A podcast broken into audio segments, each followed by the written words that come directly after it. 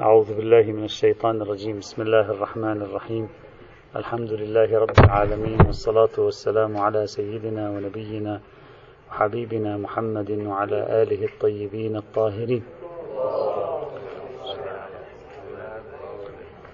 شرعنا بالأمس الحمد لله تعالى في البحث حول موضوع تخريج المناط. وقلنا بأن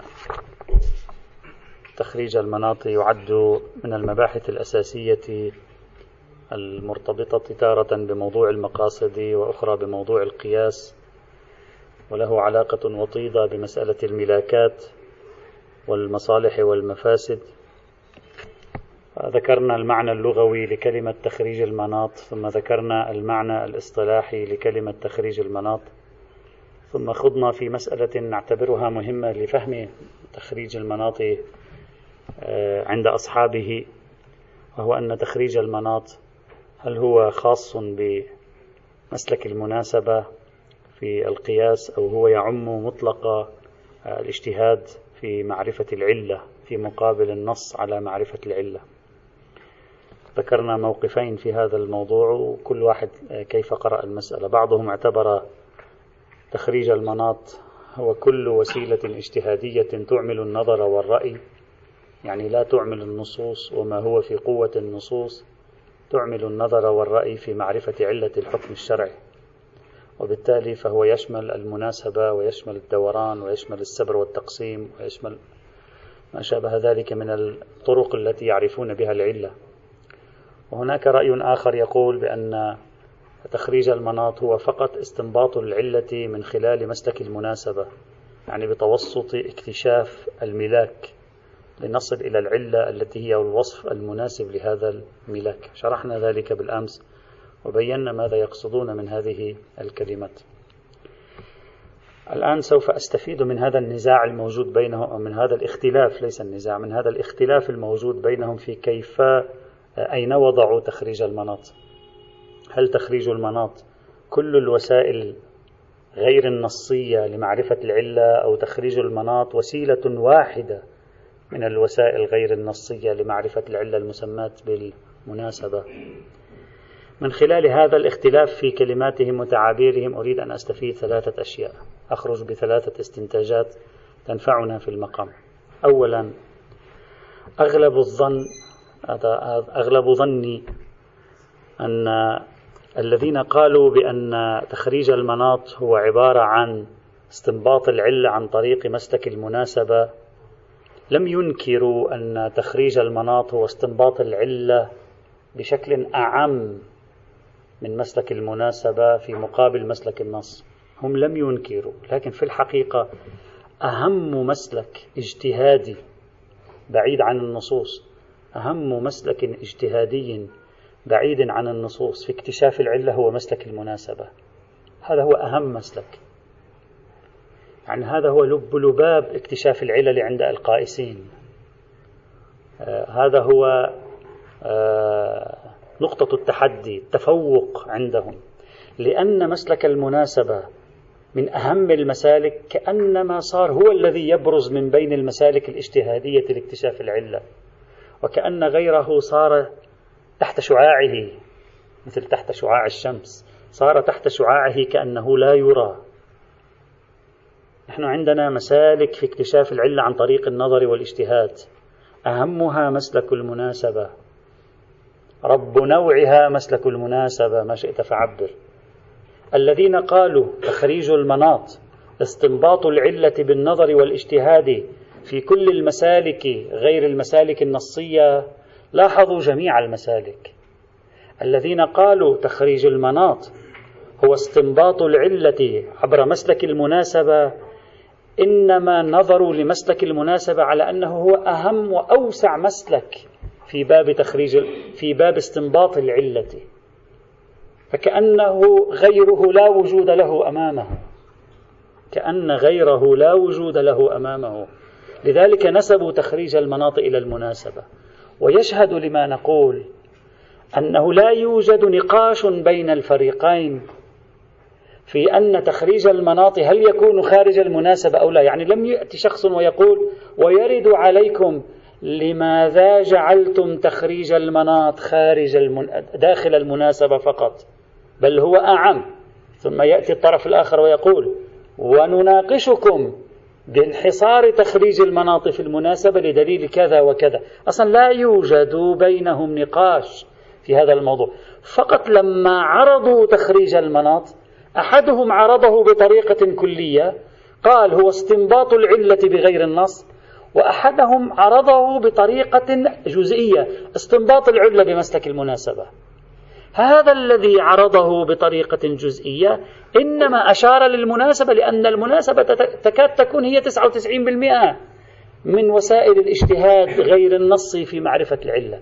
فلغلبة تطبيق مسلك المناسبة نسب تخريج المناطق إلى المناسبة. لا لأن هناك نزاع حقيقي. هذا في تقديري. لا يوجد نزاع حقيقي. تخريج المناطق كلمة أعم من مسلك المناسبة. لكن حيث إن مسلك المناسبة يكاد لا يظهر أمامه مسلك من مسالك الاجتهاد غير النصي لشدة قوته وهيمنته في باب القياس. لذلك عندما ذكروا تخريج المناطق في الحقيقة وضعوه ضمن مسلك المناسبة. وإلا لا يوجد تنازع فيما بينهم في مثل هذا الموضوع. ولهذا أيضا يظهر جليا إخواني الأعزاء لماذا الذين انتقدوا القياس كانوا دائما يقولون القياس مربوط بكشف الملاكات مع أن القياس ليس مربوط بكشف الملاكات دائما؟ رأينا بعض علماء الإمامية كيف كان عندما يتكلم عن القياس يقول القياس دائما يتضمن كشف الملاكات في حين القياس ليس دائما يتضمن كشف الملاكات. إنما جاءت هذه الفكرة في أذهانهم لأن مسلك المناسبة من بين المسالك العشرة لاكتشاف العلة هو الذي ظهر وهيمن على سائر المسالك. صار القياس يعرف به مع أن القياس لا ينحصر به لكن صار يعرف به من شدة شهرته واتساع تطبيقه. ومسلك المناسبة يتضمن كشف الملاك. فلذلك مخالفو القياس صاروا يتصورون أن كل قياس يستبطن كشف الملاك مع أنه ليس كل قياس يستبطن كشف الملاك وما ذلك إلا لأن مسلك المناسبة طغى على سائر المسالك وصار له شهرة وهيمنة وصار هو الأكثر تطبيقا في القياسات. فتم تصور أن القياس دائما هو مسلك المناسبة. وتم تصور أن القياس دائما مربوط بالملاكات مع أن القياس ليس دائما مربوط بالملاكات كما قلنا مرارا وليس دائما مربوط بمسلك المناسبة.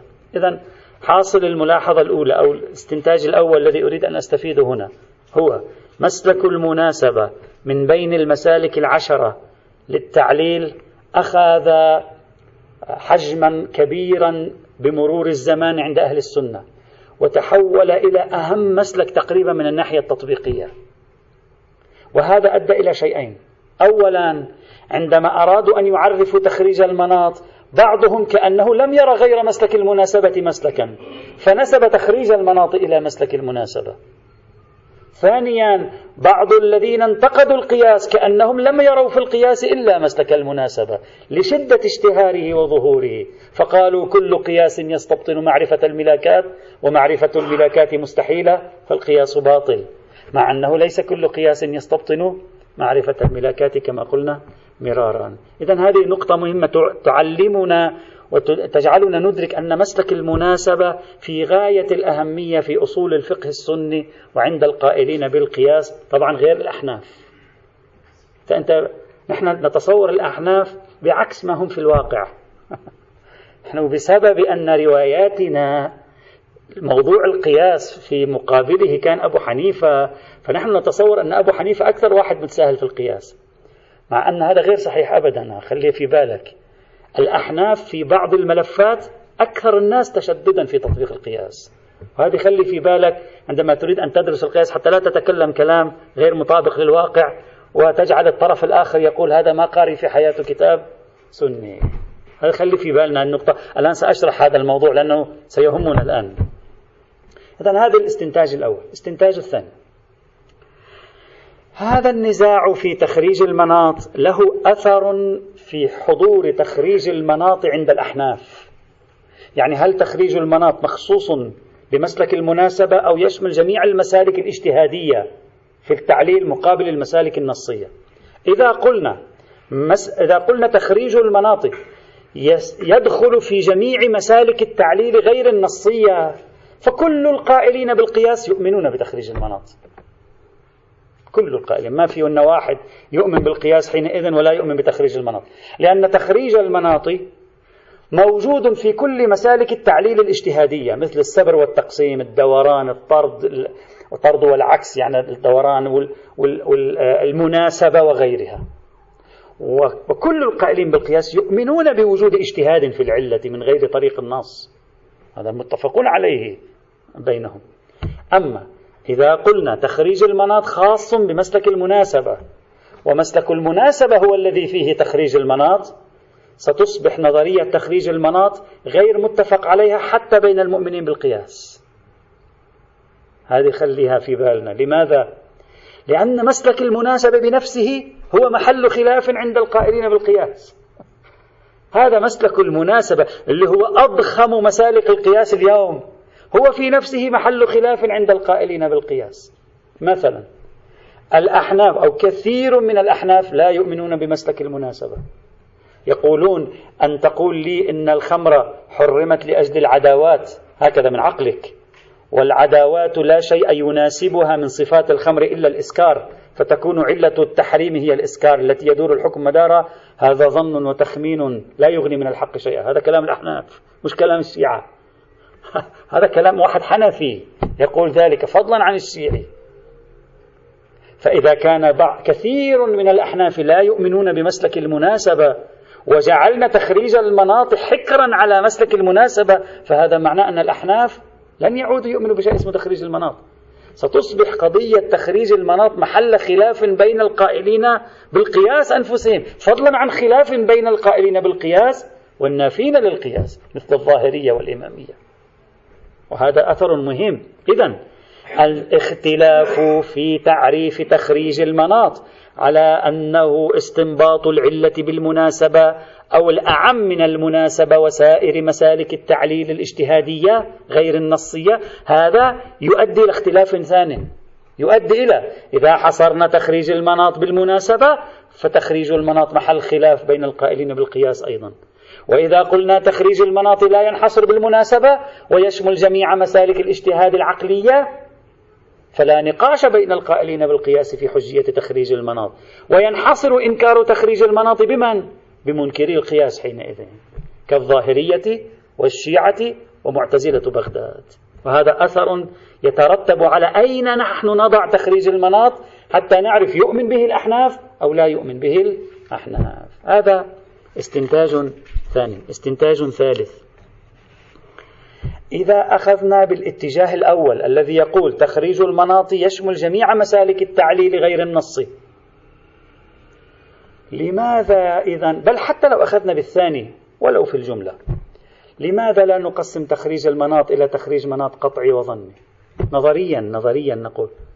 لماذا علماء الإمامية فقط قسموا تنقيح المناط إلى قطعي وظني؟ فلنقل نظريا فلنقل تخريج المناط أيضا إذا كان قطعيا فيكون حجة لحجية القطع وإذا كان ظنيا فلا يكون حجة لعدم حجية الظن فيه. لماذا أقول هذا؟ لأنك لو قلت تخريج المناط يشمل جميع مسالك التعليل. خب واحدة من مسالك التعليل السبر والتقسيم. وواحدة من مسالك السبر والتقسيم السبر والتقسيم الحاصر والسبر والتقسيم الحاصر يفيد القطع. فإذا يمكن لتخريج المناط أحيانا أن يفيد القطع. نظريا نتكلم في الواقع الخارجي يتفق حقوق وقوع هذا أو لا ما يهمني أنا أتكلم الآن نظريا إذا نظريا في إمكانية. فلماذا ترفضون أن تقولوا تخريج المناط إن كان قطعيا فهو حجة وإن كان ظنيا ليس بحجة؟ هلا بعدين شخص يقول أنا حصل لي قطع من تخريج المناط نقول له حصل لك قطع تخريج المناط حجة عليك. شخص ثاني يقول لم يحصل لي قطع من تخريج المناط نقول له تخريج المناط ليس حجة في حقك. لماذا أغلق ناكرو القياس أو منكرو القياس؟ أغلقوا باب تخريج المناط وفتحوا باب تنقيح المناط. من, من, من زاوية الظن واليقين أقول. كلاهما يمكن فتحهما. أنت لا تستطيع أن تقول لا يستحيل عقلا تخريج المناط بنحو اليقين. ما عندك دليل على الاستحالة العقلية؟ عندك دليل استحالة عقلية ما عندك دليل. أنت تقول عادة لا يمكن تخريج المناط. قطعا ويقينا. فإذا نظريا الأفضل أن نقول هذا مهم جدا لأن الذهن الشيعي خصوصا أو بشكل عام الذهن المنكر للقياس خصوصا لا يفتح الباب حتى على تخريج المناط القطعي مع أنه نظريا يمكن أن نفتح الباب.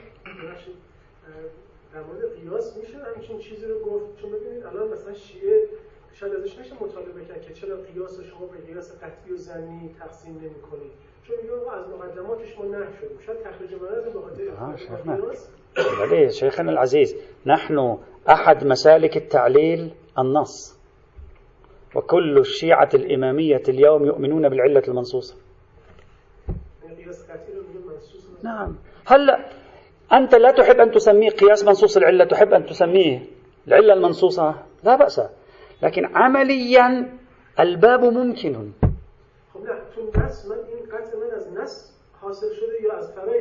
لا عن من النص حصل. وهم يقولون أيضا من النص آه لا لا تخريج المناط لا خارج النص نتكلم عن علة المنصوصة. تخريج المناط دائما خارج النص عندهم. وإن كان أنا الآن سأقترح اقتراح أجعل تخريج المناط أوسع حتى من النص أفضل الأفضل أن نفعل ذلك منطقيا.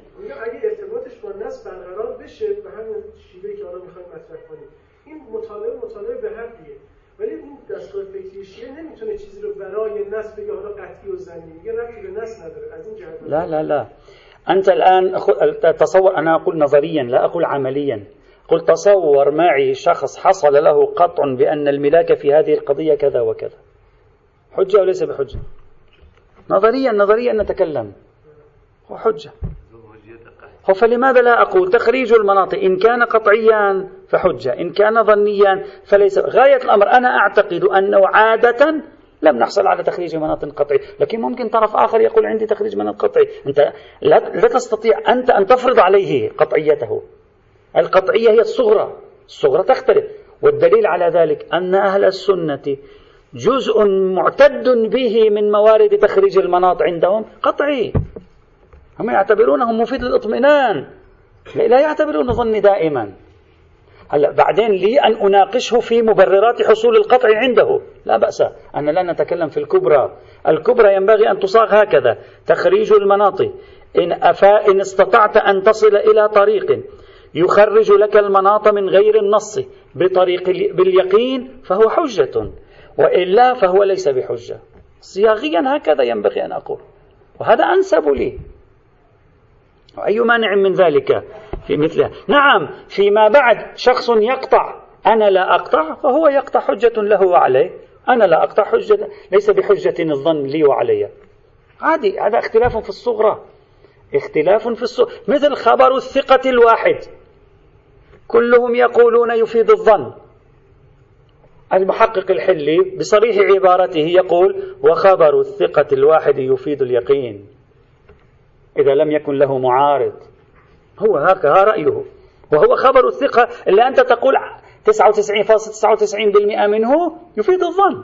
لكن محقق الحل يقول طبع خبر الثقة الواحد يفيد اليقين إن لم يكن له معارض.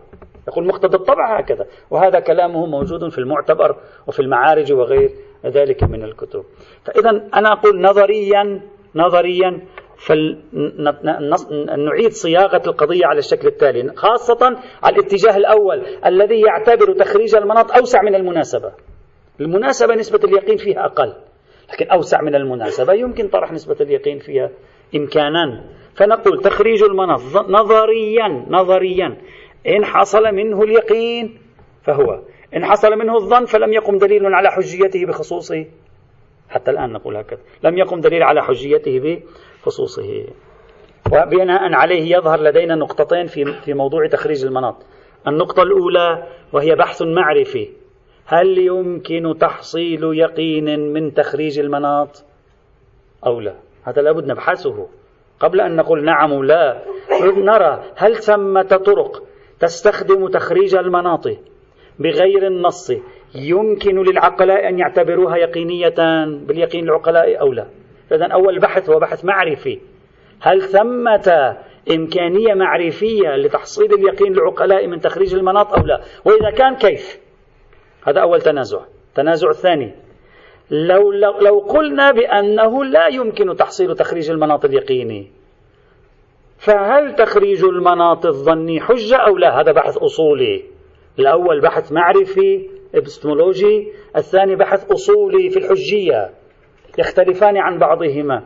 البحث الأول هل آليات تخريج المناط يمكن أن تعطيني يقينا عقلائيا أو لا؟ وكيف؟ ولماذا؟ إذا تعطيني لماذا وإذا لا تعطيني لماذا؟ هذا بحث معرفي. بحث ثان كبروي.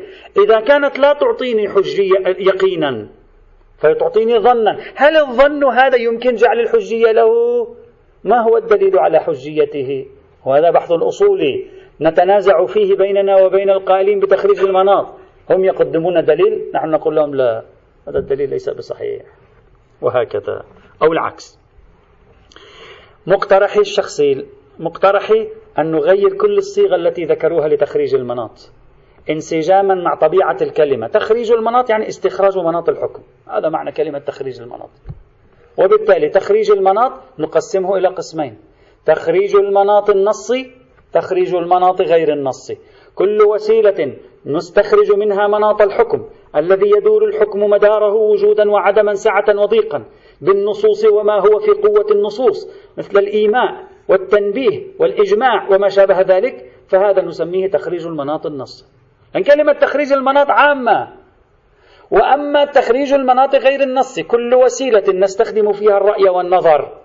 والتأمل خارج إطار دلالات النصوص ومفاداتها فنصل إلى تحديد مناط الحكم الذي يدور الحكم مداره هذا نسميه تخريج المناط غير النص أو تخريج المناط الاجتهادي. فعندنا تخريج المناط قاعدة كلية تنقسم إلى تخريج المناط النصي وتخريج المناط الاجتهادي غير النصي النصي العلة المنصوصة الإيماء والتنبيه الإجماع غير النصي مسلك المناسبة الصبر والتقسيم الدوران إلى آخره. لأن الكل يصدق عليه تخريج المناط. هو كلمة تخريج المناط لم تنزل في آية ولم ترد في رواية. كلمات مضمونها ينطبق على العلة المنصوصة. كلمة اصطلاح مضمونه ينطبق على العلة المنصوصة. إذا فلنغير صياغة الموضوع ونقول تخريج المناط مطلق أخذ العلة. إن كان عبر النص فهو تخريج مناط نص. إن كان عبر الاجتهاد والنظر فهو تخريج مناط نظري. هذا يبحث في حجيته. بحثنا عنه سابقا بالتفصيل في العلة المنصوصة. هذا أيضا يبحث في حجيته. الآن سوف نتكلم عن حجيته. بتقديري هذا الترتيب أفضل وأكثر انسجاما. لماذا تريد تخريج المناط أن تحصره بالمناسبة؟ لماذا تريد تخريج المناط أن تحصره بمسالك الاجتهاد؟ كلمة أوسع من ذلك. أبقها على حالها وبالتالي يكون التنازع في تخريج المناط وفقا لهذا الاصطلاح تنازع في أحد دوائره وهو تخريج المناط الاجتهادي لا مطلق تخريج المناط هذا اقتراح طبعا والاصطلاحات لا مشاحة فيها. لكل شخص أن يضع الاصطلاح الذي يريد ولا يمكن أن يلزم الآخرين.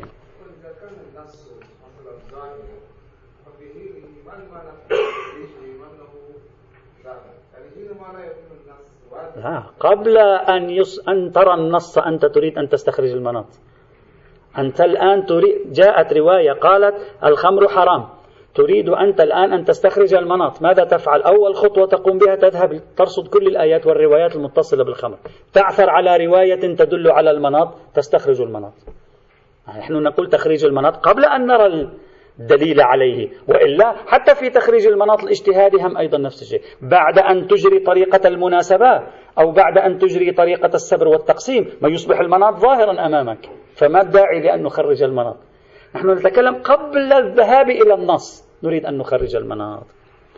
هذا كله في تمهيد تحليل المفردة لغويا تحليلها اصطلاحيا علاقة تخريج المناط بمسالك التعليل عند القائسين وبعض القضايا المتصلة بهذا الموضوع. الآن نحن تخريج المناط النصي لا علاقة به بحثنا. كل كلامنا من الآن فصاعدا تخريج المناط الاجتهادي. الأعم من المناسبة. بحثنا سيكون ما له علاقة حصرية بالمناسبة. والآن سنضع عنوان حجية تخريج المناط في ضوء ما سميناه دائما النظام الآلي يعني في ضوء ميكانيزم تخريج المناط. يعني في ضوء ماذا ما هي العملية الذهنية التي يقوم بها الفقيه فيخرج المناط من خلالها؟ نريد أن ندرسها هل هذه العملية الذهنية تعطي يقين أو لا؟ وإذا لا تعطي يقين هل هي حجة أو لا؟ هذا هو بحثنا. أدلة حجية تخريج المناط الاجتهادي في ضوء فهم آلية تخريج المناط. توجد هنا محاولات متعددة لإعطاء الحجية لتخريج المناط بعضها عند أهل السنة بعضها يمكن بعضها مطروح بعضها غير مطروح. سوف نطرحه ونرى هل ستنجح هذه المحاولات أو لا. إذا نجحت نرى دائرتها. إذا ما نجحت نقول تخريج المناط الاجتهادي لا حجية له البتة. ما لم يحصل يقينا أو هو أو نقول هو قطعا لا يحصل يقين. مثلا. الدليل الأول أو المحاولة الأولى لإعطاء الحجية لتخريج المناط وليس تنقيح المناط الاستناد إلى كبرى القياس. هذا الدليل هو دليل سني بامتياز. يعني هذا الدليل فقط عند السنة يمكن أن يستدل به. عند الذين ينكرون القياس لا يمكن أن يستدل به. يعني عند السنة المؤمنين بالقياس ليس كل السنة أيضا. عند السنة الذين يؤمنون بالقياس. تقريب الاستدلال هكذا. نقول دل الدليل على حجية القياس. دل الدليل على حجية القياس. هذا ثابت مفترض عندهم بإجماع الصحابة وسيرة المسلمين الأوائل والآيات القرآنية والروايات حسب استدلالاتهم في محلها لا علاقة لنا بها. إذا ثبت أن القياس حجة دليل حجية القياس فيه إطلاق. يشمل ثبوت العلة باليقين وثبوت العلة لديك بالظن. لأن دليل القياس إذا ما فيهوش إطلاق لثبوت العلة بالظن ما في قياس. القياس ولد ميتا أجهض أصلا. لابد دليل القياس عندهم. لديه إطلاق. يشمل حالة ثبوت العلة باليقين لديك وثبوت العلة بالظن حتى تستطيع أن تعبر منها إلى آه، وإلا إذا لا يثبت عندهم ذلك مشكلة بالنسبة إليهم. ممكن بعضهم يقول فقط حال ثبوت اليقين بالعلة باليقين. لا أقول ليس موجودا ولكن عادة هكذا. صاحب هذا الدليل هكذا يقول. يقول دليل حجية القياس. يعطي الحجية للقياس أعم من ثبوت العلة بنحو اليقين وثبوت العلة بنحو الظن. هذا هذه المقدمة الأولى. المقدمة الثانية. إن إن إن تخريج المناطي هو إثبات للعلة بطريق الظن. إن تخريج المناطي هو إثبات للعلة بطريق الظن. النتيجة تخريج المناط حجة بنفس دليل حجية القياس. نركب. نعيد نركب الصغرى في الأعلى والكبرى في الأسفل. تخريج المناط إثبات للعلة بالظن. بالظن الاجتهادي ها لا بالظن النصي بالظن الاجتهادي. تخريج المناط إثبات للعلة التي نعبر منها إلى الفرع في القياس بالظن. وكل إثبات للعلة بالظن حجة ببركة دليل حجية القياس. نتيجة تخريج المناط المفيد للظن حجة. هذا تقريب استد... هذا الأول استدلال يلوح من كلماتهم في غير موضع وعليه يثبتون الحجية. طبعا هذا مبن... هذا الاستدلال مناقشتنا له مبنائية. يعني من يبني على حجية القياس؟ بهذا المعنى للقياس؟ بهذا العرض العريض للقياس؟ صحيح هذا استدلال صحيح. يعني ما في نقاش في البناء. استدلالهم صحيح. إنما الكلام كل الكلام في المبنى هذا المبنى في نقاش فيه. لن ندخل الآن في بحث القياس فيه نقاش فليس صحيحا في المقام. طيب الآن عندنا سؤال. قد شخص يشكل غير الإشكال المبنائي قد شخص يشكل يقول لو صح ما قلتموه لو صح ما قلتموه من أن كل ظن آت من تخريج المناط فهو حجة بدليل حجية القياس للزم أن الأحناف يقولون بحجية تخريج المناط من باب المناسبة. مع أن القياس لا يؤمنون بحجية تخريج المناط في المناسبة مع أنه ظني.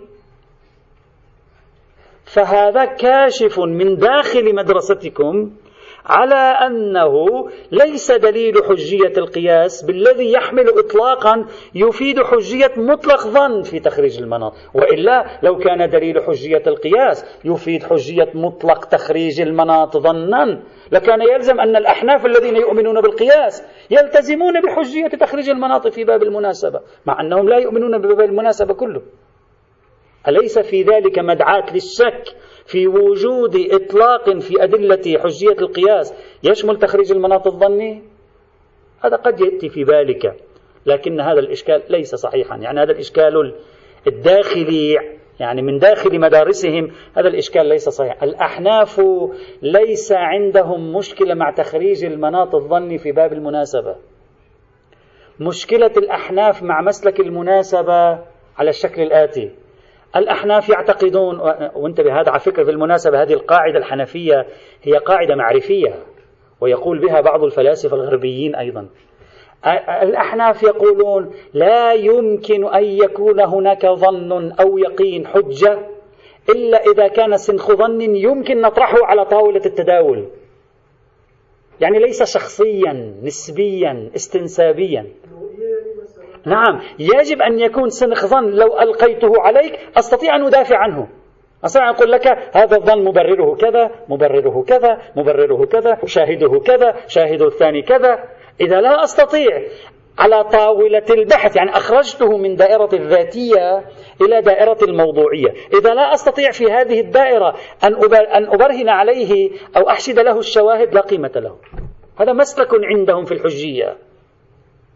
يقول والمناسبة استنسابية أي كلمة مناسبة سابة واستنسابية أيضا لماذا؟ لأن الفقيه في باب المناسبة ماذا يقول؟ يقول أنا أجلس الخمر حرام يبدأ هو يفكر هكذا الخمر حرام لا بد الخمر حرام لأجل أنها توقع العداوة بين الناس فإذا الملاك هو إيقاع العداوة بين الناس ما الذي يوجب في الخمر وقوع العداوة بين الناس؟ الإسكار فإذا العلة هي الإسكار. فالحكم يدور مدار الإسكار. أين وجد الإسكار؟ فهو حرام. ولو كان نبيذا. وأين من عدم الإسكار؟ فهو حلال. ولو كان خمرا. هذه الطريقة. طيب إذا جئت قلت له من أين عرفت العداوة بين الناس؟ يقول لك أنا هكذا نظرت. تأملت في الموضوع هكذا بدا لي يقول لك الحنفي بدا لك. هذا خليه في جيبك هذا بدا لك خليه في جيبك وبالبيت. خليه. نحن نتكلم علم. علم يعني تطرحه على طاولة البحث. تطرحه على طاولة البحث يعني الكل بإمكانه أن يرى صوابه وخطأه. مدخل أنا حصل لي ذلك. هذا عندي حصل. يعني ماذا عندك حصل؟ من أنت؟ النبي أنت يعني حتى إذا حصل عندك يعني لابد أن يكون. هذا هذا مبرر الأحناف في رفض مسلك المناسب لأنهم يعتبرونه ظنيا استنسابيا نسبيا. لا يمكن أن يرجع إلى ضابط. بينما غير الأحناف يقبلون بمسلك المناسبة إحنا عادة الأحناف متشددون في المناسبة غير الأحناف يقبلون بالمناسبة. مع ذلك نحن عادة نتصور أن الأحناف هم الأكثر تشددا هم الأكثر عملا بالقياس مع أن الأحناف في بعض المواضع أقل من غيرهم عملا بالقياس الشافعية أحيانا أكثر منهم. فأنتبه فإذا نزاع الأحناف مع غيرهم لا يرجع إلى أن أدلة القياس تعطي الحجية للظن أو لا تعطي الحجية للظن. كلهم متفقون على أن أدلة القياس تعطي الحجية للظن. في باب العلل. إنما نزاع الأحناف أن الظن الذي تعطيه أدلة القياس وغير أدلة القياس ليس فقط أدلة القياس وغير أدلة القياس. ينبغي أن يكون ظن موضوعي يعني ظن يلقى إلى النوع فيستطيع أن يقرأه ثبوتا وعدما. لا أنه والله أنا حصل لي هكذا. يعني والله واحد جالس وشاف طيران الطير وحصل له ظن. أنا شو العلاقة بطيران الطير وحصل لك ظن؟ أنت حصل لك ظن؟ ما لي علاقة. هذا الظن ليس حجة حتى على الذي ظن برأي الأحناف. حتى على الذي ظن لأن قيمة الظن قيمة نوعية ليست قيمة ذاتية. فإذا خلاف الأحناف مع سائر القائلين بالقياس في حجية مسلك المناسبة ليس راجعا إلى التشكيك في إفادة أدلة حجية القياس لظن الآتي من تخريج المناط بل هو راجع إلى نكتة أخرى يفهمها الأحناف ولا يقبلونها خلافا لجمهور العلماء القائلين بحجية القياس. وعليه. هذا الدليل الأول. تام لو تم المبنى إلا أن مبناه ليس بتام. فالنقاش مع الدليل الأول نقاش مبنائي. لا نسلم بوجود دليل يعطي الحجية للقياس ويحظى بإطلاق من هذا الشيء الذي تزعمونه. هذا الدليل الأول. الدليل الثاني.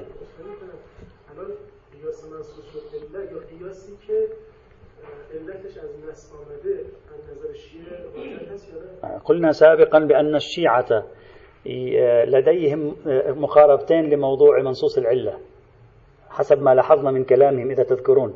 مقاربة تعتبره قياس وترى حجيته وبعضه أصلا ليس قياسا هذا هذا من باب الظهور.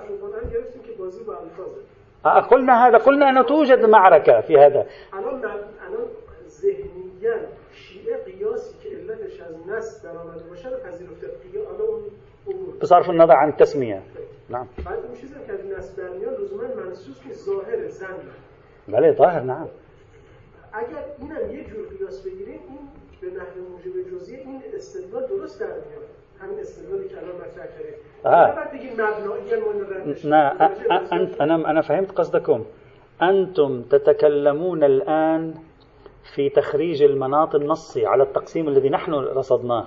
نحن لا نتكلم عن تخريج المناط النصي أصلا. نحن كل كلامنا في تخريج المناط الاجتهادي اللي هو محل التنازع بين المؤمنين بالقياس وغيرهم أما النص بحث ولذلك قلنا سابقا قلنا تنقيح المناط الظني هم حجة.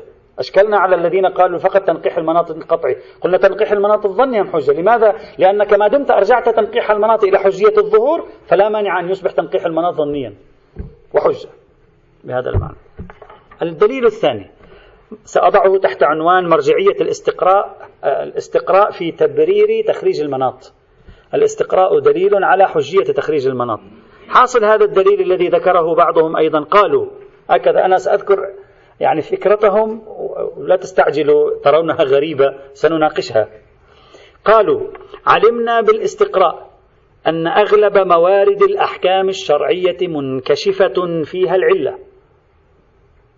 طبعا هذه في حد نفسها محل تنازع بين الشيعة والسنة لكن هذه عندهم اعتبروها بديهية. يعني أغلب الأحكام الشرعية العلة فيها منكشفة هكذا قال. والحالات النادرة لا تنكشف فيها العلة المقدمة الأولى. ثانية نثبت نتيجة ذلك أن الأصل في الأحكام هو التعليل وليس التعبد. شوف أنا طبعا في كثير من المغالطات في هذا الاستدلال هذا. هو ماذا يفهم من التعليل الآن؟ التعقيل مش التعليل.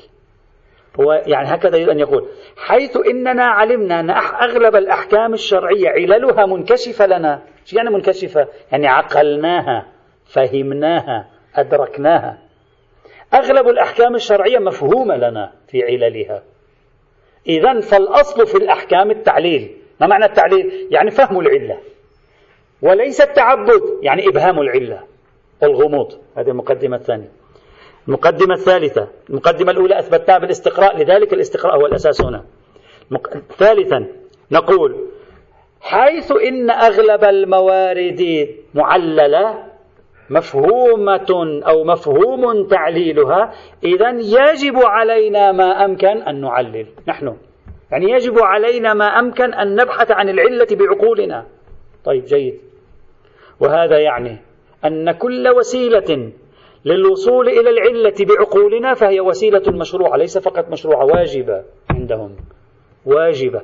الفقيه يجب عليه تخريج المناط يجب عليه السعي لمعرفة المناطات والملاكات يجب عليه مش حرام عليه. في الأدبيات الشيعية حرام أن تفكر في المناطات. أنت تدخل دائرة محرمة لأنك لا تدخل إلا دائرة التخمين والظن والتخرص على الله. بينما في الدائرة السنية لاحظوا هذا الاستدلال الذي يوجد مثله كثير أصلا نحن مندوبون لفعل ذلك نحن مطلوب منا أن نكتشف العلل والمناطات لأن أغلب الشريعة منكشفة المناطات فلا بد نحن أيضا أن نكمل فيما لم ينكشف لنا. وأن نستمر في الكشف يعني حيث انكشف الأغلب يجب أن نستمر في الكشف. وهذا يكشف لك عن تمايز كبير جدا في طريقة التفكير الاجتهادي بين الشيعة والسنة. الشيعة التفكير في المناطات والملاكات هو دائرة محرمة أولا وبالذات بحسب الأعم الأغلب لأننا لا ندرك. بينما السنة التفكير في المناطات والعلل والملاكات هي دائرة ليست مباحة فقط مرغوبة. أنت كفقيه فقاهتك في التفكير هناك. شوف هذا من من أبرز طرائق التفكير المختلفة بين الشيعة والسنة، بين مدارس الاجتهاد الإسلامية، بين واحد يرحب ويدعو المجتهد ويقول له اجتهادك يثبت بهذا، يجيب لك امتحان يقول لك طلع لي المناطات وطلع لي الملاكات ويلا. مثل فرض مثل المشق مثل امتحان أيضا. الرياضيات يعطيك عملية ويقول لك حل لي, حل لي هذه المعادلة. بواسطة إجراء عمليات رياضية. هذا دليل على أنك صرت مجتهد وأنت تقترب من الاجتهاد. أما عندنا دليل على أنك صرت ثلاث نقاط. صحيح؟ يعني إن لم تكن مبتدع إن لم تكن مخرص على الله كل هذا خرط هذا لا قيمة له. هذه طريقة التفكير. فإذا أساس هذا الاستدلال قائم على طريقة التفكير السنية أيضا. العلل منكشفة إذا فلنستمر في عملية الكشف. فكل كشف ظني كان أو قطعيا هو يزيد من انكشاف الشريعة لنا وانكشاف الشريعة في ملاكاتها ومناطاتها لنا هو أمر إيجابي ليس أمر سلبي كما أنتم تقولون. يعني الاستدلال قائم على قاعدة مختلفة عن طريقة تفكيرنا تماما. حتى تفهمها لازم تعرف القاعدة التي انبنى عليها الاستدلال حتى تدرك لماذا يتك... ما معنى هذا الكلام ال... ال... الذي لا يرجع إلى محصل صحيح؟ هذا طريقتهم في تقريب هذا الاستدلال. إلا أن هذه المحاولة أيضا خاضعة يمكن أن نخضعها لأكثر من مناقشة ثم بعد ذلك سنرى هل يمكن تطويرها أو لا. بدون أن يلزم منها محظور يأتي إن شاء الله تعالى والحمد لله رب العالمين.